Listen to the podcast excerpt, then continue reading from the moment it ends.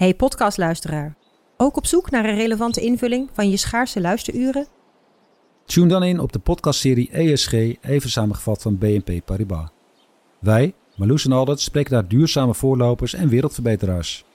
Waarover dan? Nou, bijvoorbeeld of we ooit duurzaam kunnen gaan vliegen. En waarom koeien in de stad nou een goed idee is? Dat en meer elke twee weken in een nieuwe aflevering. Dus abonneer je. ESG, even samengevat.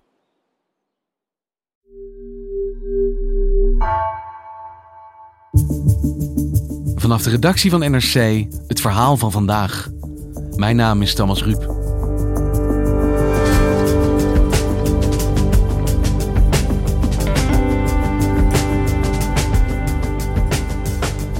Cuba is een eiland in crisis.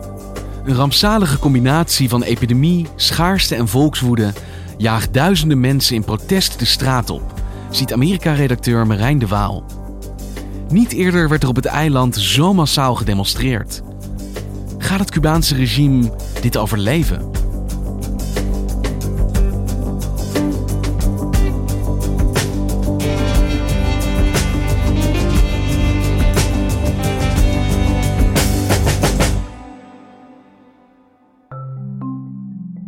Op zondag eh, 11 juli hebben we iets op Cuba gezien wat we echt al decennia niet hebben gezien. Eh, namelijk Cubanen die met honderden, op sommige plekken wel met duizenden, de straat op gingen. En dat is echt zeer zeldzaam in Cuba. Eh, er is absoluut veel onvrede in Cuba, eh, al heel lang. Maar het is ook een politiestaat waar mensen echt heel bevreesd zijn om zo openlijk hun onvrede over het bewind te uiten. Maar zondag gebeurde dat dus. En het begon in een klein stadje, eh, iets buiten Havana, San Antonio Los Baños. Daar gingen mensen in één keer de straat op. En eh, de beelden daarvan die werden via social media verspreid. En dat was een soort vonk die over dat eiland sloeg. Eh, in tientallen steden zijn mensen de straat opgegaan om eh, ja, hun onvrede te laten blijken. En de communistische regering die, die moest ook om vier uur in de middag moest de president op televisie komen. En alleen dat al, door te erkennen dat er eh, dus blijkbaar protesten gaande was, eh, weten we hoe groot dit moet zijn geweest. Want normaal zouden ze dit, als het in één stadje was, compleet doodzwijgen op de nationale televisie. Dit is een eiland volledig in crisis.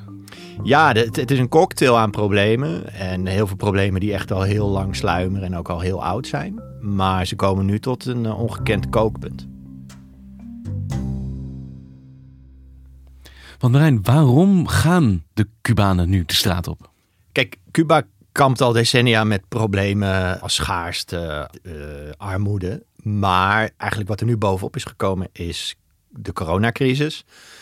Dat heeft twee gevolgen gehad eigenlijk. Naast eh, de, het feit dat ook Cubanen ziek worden, zeker nu ook de Delta-variant daarop rukt, is er eigenlijk nog één ander belangrijk economisch gevolg van die, van die pandemie geweest. Namelijk, Cuba leeft van het massatoerisme. Dat is eigenlijk de enige industrie die ze heeft om nog dollars binnen te krijgen. En omdat die toeristen dus al bijna anderhalf jaar amper nog komen, ja, is eigenlijk de kurk waar die economie nog een heel klein beetje op bleef drijven, die is weggeslagen. Ja, en, en dat, dat voelen de, de Cubanen nu. de los cubanos. Cuba es de los cubanos. Patria y vida. Patria y En wat willen deze demonstranten? Wat eisen ze als ze de straat op gaan? Ja, ze hebben niet hele concrete eisen vooralsnog. Het is vooral eh, weg met het regime, eh, weg met de president. Sommigen scandeerden ook we willen vaccins. Anderen riepen gewoon om libertad. Ze willen gewoon verandering. Ze willen niet wat ze nu al decennia hebben. Cuba wordt, eh, is natuurlijk decennia lang bestuurd door de, de Castro's. Hè. Eerst Fidel en daarna Raúl, eh, twee broers. Kijk, Fidel is al overleden, vijf jaar geleden. Raúl eh, nam het toen van hem over, maar die is de afgelopen jaren, die is ook al diep in de tachtig, is die eigenlijk een beetje uit, het, uit beeld verdwenen. En ze hebben nu Miguel Díaz-Canel, een apparatchik uit de, uit de partij, is president geworden. Iemand die gewoon heel goed eh, zich weet te handhaven binnen die partij, maar niet per se iemand is die weet hoe die het best een land kan besturen. Maar iemand van diep binnen naar het systeem. Ja, binnen uit het systeem. En die is eh, al een tijdje president, sinds 2018. En dit jaar is hij ook op het schild gehezen als partijleider. En dat is eigenlijk in zo'n socialistische dictatuur echt de hoogste functie. In die zin heeft hij Raúl nu helemaal opgevolgd. Kijk, Raúl en Fidel, die, die, die hadden in ieder geval nog de historische credits. Hè. Die hebben in 59 de dictator verjaagd uh, met hun guerrilla-legertje. Waarvan niemand dacht dat, die dat dat succes zou hebben. Ja, en er is nu een nieuwe, jongere generatie uh, partijkopstukken die dat land moet gaan besturen. Maar zonder die, die historische merites waar die, waar die eerste generatie op kon bogen. En ja, dat, dat, dat maakt dat mensen daar meer kritiek op hebben dan dat ze bijvoorbeeld onder eh, Fidel of Raúl durfden te hebben. Is een president met weinig gezag waarvan de demonstranten nu zeggen wegwezen. Ja, deze de betogers zeggen dat. En kijk, er zijn geen echt betrouwbare opiniepeilingen in, in Cuba. Uh, ik denk dat je ongeveer 20 tot 30 procent van de Cubanen hebt die, die, die de communistische partij echt nog steeds steunen. En de verworvenheden van de revolutie uh, behouden uh, zien worden door die, door die partij. Maar ik denk dat toch de grote meerderheid van de Cubanen echt wel toe is aan iets anders na ruim 60 jaar. En hoe reageert deze president op die oproepen? Ja, kijk, hij kwam dus uh, rond vier uur s middags op zondag op televisie. En op de nationale televisie erkende dus daarmee impliciet dat er iets groots aan de hand was op het eiland. En hij zei, ja, de strijdkreet is gegeven. Al combate, zei hij. Dus we gaan de strijd aan. En hij riep goede revolutionairen, dus mensen die de partij nog wel steunen, op om de straat op te gaan en om het tegengeluid te laten horen tegen al die anti-bewindbetogers. En nuestro pueblo habrá una respuesta revolucionaria. Y por eso también aquí estamos convocando a todos los revolucionarios del país, a todos los comunistas, a que salgan a las calles en cualquiera de los lugares donde se vayan a producir estas provocaciones. Ja, dat, dat was nogal link. Uh, het is wel gebruikelijk op Cuba hè, dat als er ergens protest is, dan organiseert het bewind altijd een tegenbetoging. En er zijn inderdaad ook in de loop van zondag toen tegenbetogingen gekomen van pro-regime mensen die, uh, die wilden laten horen dat, uh, dat er ook echt nog wel mensen zijn die de partij een warm hart toedragen. En daar kwam ook wel kritiek op, hè, op, die, op die oproep van Diaz-Canel van Al Combate, van bijvoorbeeld Joni Sanchez, de bekendste blogger, dissident van het eiland, die, ja, die twitterde van ja, dit is, dit is zo onverantwoord. Dit is gewoon een oproep tot burgeroorlog. Want dit is een eiland wat helemaal op zijn kop staat nu door betogingen. Kun jij schetsen hoe het zover heeft kunnen komen? Hoe ziet dat leven op Cuba eruit dat het nu tot dit punt is gekomen? Op Cuba, het is eigenlijk, weet je, er is nog het, het, bonnenboekje, het rantsoenenboekje. Maar wat je daarvoor krijgt, ja, dat is een beetje rijst, uh, koffie, die tegenwoordig wordt aangelengd met, uh, met een soort erten. Omdat ze niet genoeg echte koffiebonen hebben. Uh, suiker, de Cubanen doen heel veel suiker door hun koffie. bonen, maar dat is wat je op basis van dat bonnenboekje krijgt.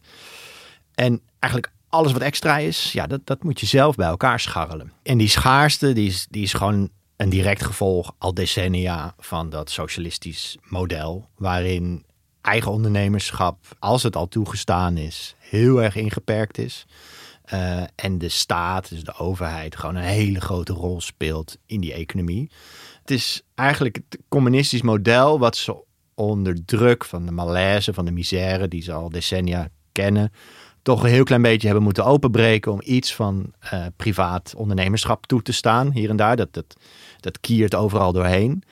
Maar ja, het is zo lastig om daar een eigen winkeltje te hebben. Er zijn zoveel regeltjes. Je wordt afgeroomd door de staat. Je wordt geïntimideerd als je ook maar iets, iets verder gaat dan toegestaan. Dus ja, het, het, het werkt gewoon niet. Een systeem dat simpelweg niet functioneert. Nee, het is vastgelopen en het is, het is een heel groen, vruchtbaar eiland. Maar ze verbouwen amper nog wat, omdat boeren helemaal niet de prikkel hebben om hun land goed te verbouwen. Omdat ze toch een groot deel moeten afdragen en amper zelf uh, iets naar de markt mogen brengen.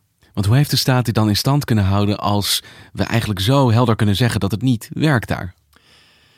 Ja, het is een, een deel combinatie van repressie. Kijk, het is uh, gewoon heel moeilijk om je uit te spreken daar. Er kan op zich heel veel in Cuba. Maar zodra je ergens politiek mee gaat bemoeien of politiek over gaat uitspreken, dan kunnen ze gewoon wel tegen je in actie komen. En ze hebben het deels volgehouden omdat nadat de Sovjet-Unie wegviel, ze close zijn geworden met Venezuela. Uh, wat goedkope olie uh, leverde. Socialistische bondgenoot. Maar ook Venezuela ligt inmiddels op apengapen en kan ook steeds minder bijspringen.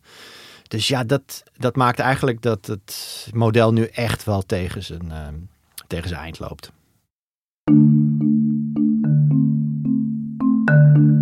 En de demonstranten die nu dus voor het eerst weer echt van zich laten horen. Wie zijn zij? Op welke manier organiseren zij zich? Nou, dat is ook interessant. Kijk, Cuba heeft wel weliswaar met hele grote vertraging, maar inmiddels ook relatief goed toegankelijk, vrij toegankelijk internet. Er is 3G en 4G en ook, er zijn ook steeds meer mensen die thuis uh, wifi hebben. En Cuba is een van de laatste landen eigenlijk waar dat internet echt vol aan het uitrollen is. Ja, dat is echt iets. Dat viel mij op toen ik een paar jaar geleden weer was. Dat je ook daar gewoon mensen oh, op een schermpje ziet kijken en zo. Dat was voorheen niet zo. En wat wordt er dan precies verspreid online? Nou ja, ze delen natuurlijk oproepen om, uh, om in de eigen stad ook te gaan betogen. Er wordt uh, filmpjes verspreid over het regime wat hard ingrijpt tegen betogers. Omdat ze geknuppeld worden of hardhandig gearresteerd worden. Dus ja, dat is een soort olievlek. Uh, omdat het gewoon op Twitter, op Instagram allemaal gedeeld werd. Um, en dat is echt nieuw. En daar komt nog bij dat er is een hele grote Cubaans-Amerikaanse gemeenschap. En in die diaspora wordt er natuurlijk enorm meegeleefd. Wat er op het eiland allemaal gebeurt. En, en vooral veel artiesten, weet je wel, van Pitbull. Not only is this a Cuba event, a Cuba thing, this is a world event. This isn't about politics. This is about saving lives. This is about unity, not division. And bottom line, this is about taking action. Tot uh, Gloria Estefan. The young people of Cuba have had enough.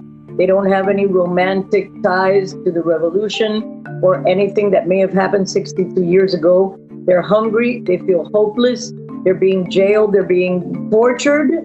En zelfs Chucho Valdez, de, de pianist die zich eigenlijk zelden uitspreekt over politiek, die hebben zich allemaal nu uitgesproken dat er toch echt solidariteit met Cuba moet zijn, ook in de VS.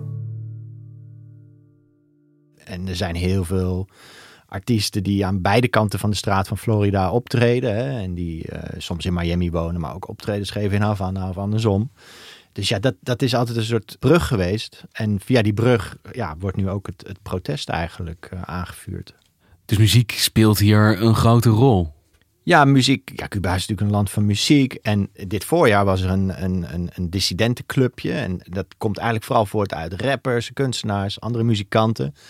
En die namen een, een, een reggaeton nummer op, een rapnummer. Uh, en dat heette Patria y Vida, dus vaderland en leven.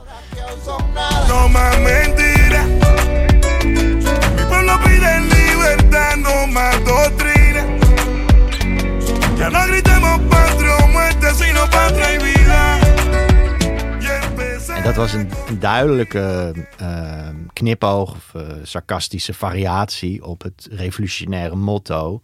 Wat zelfs op de peso-muntjes gedrukt staat. Patria o muerte.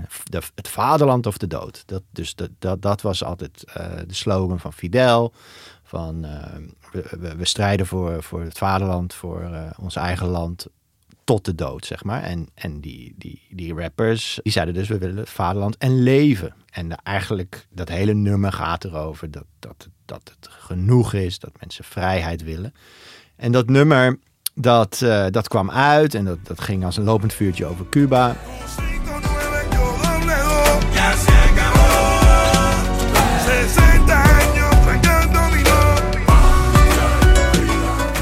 En, die, en diezelfde slogan, dus Patria Vida, vaderland en leven, wordt nu dus ook aangeheven door de betogers. Dus ja, dat, dat, heeft, dat heeft echt iets teweeg gebracht, dat nummer. Dit is wat je hoort op straat daar. Ja, ja het wordt een soort protestlied. Ja.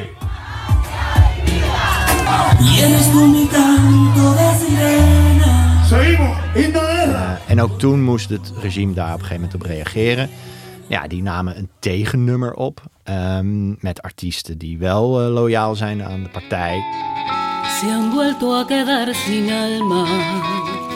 Los ofensores del pueblo. En ja, dat nummer dat liet ook wel heel goed blijken dat het ook echt wel een soort generatieconflict is. Want het was zo belegen, uh, braafjes. Ja, dat je toch al dacht van ja, het regime heeft niet echt meer door wat er vooral onder jongeren nou uh, leuk gevonden wordt. Zeg maar. dit gaat misschien niet de grote verandering teweeg brengen waar nee, ze op dit hopen. Wordt, was niet, het was niet, ging niet meteen viral op dezelfde manier. En er kwamen ook, toen ze het op YouTube zetten, kwamen er ook allemaal hele zure reacties onder dat nummer, sarcastisch. En dus ja, dat heeft denk ik niet heel veel mensen teruggehaald in het regeringskamp.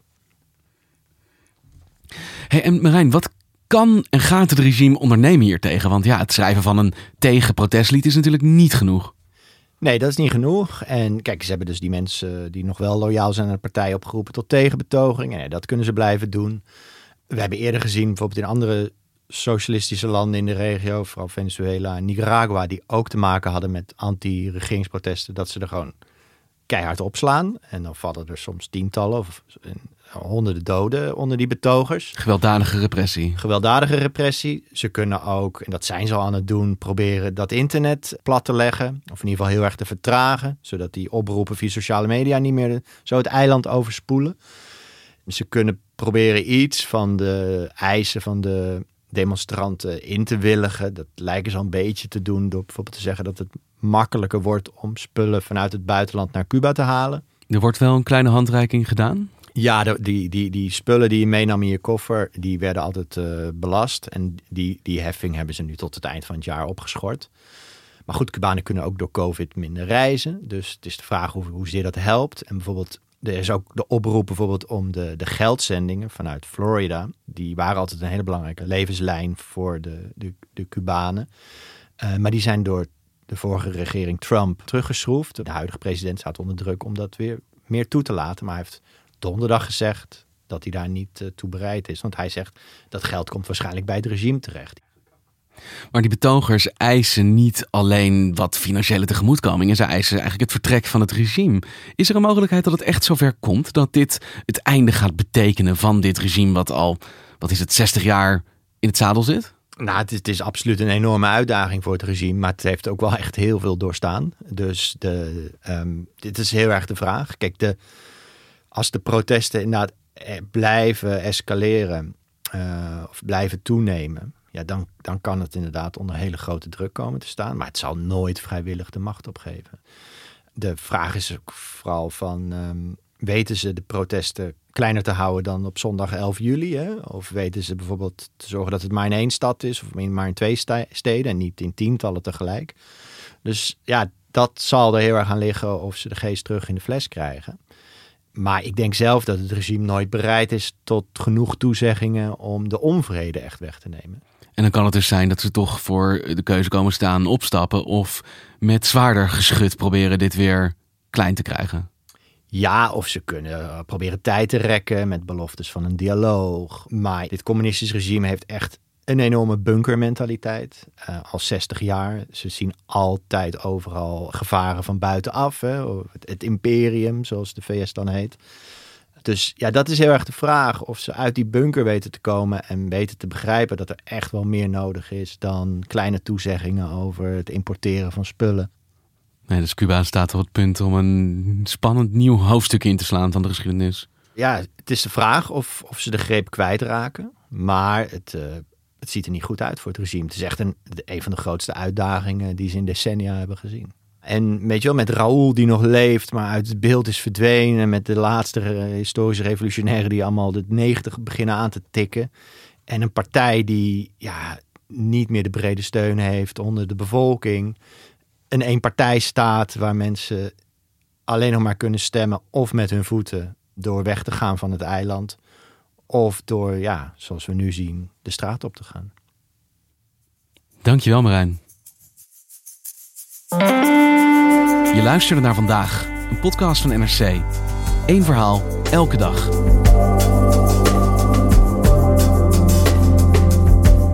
Deze aflevering werd gemaakt door Lis Doutsenberg en Jeroen Jaspers. Dit was vandaag, morgen weer.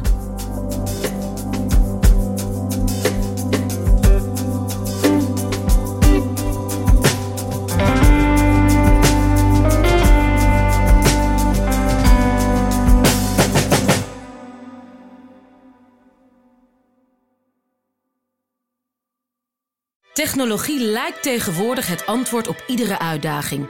Bij PwC zien we dit anders.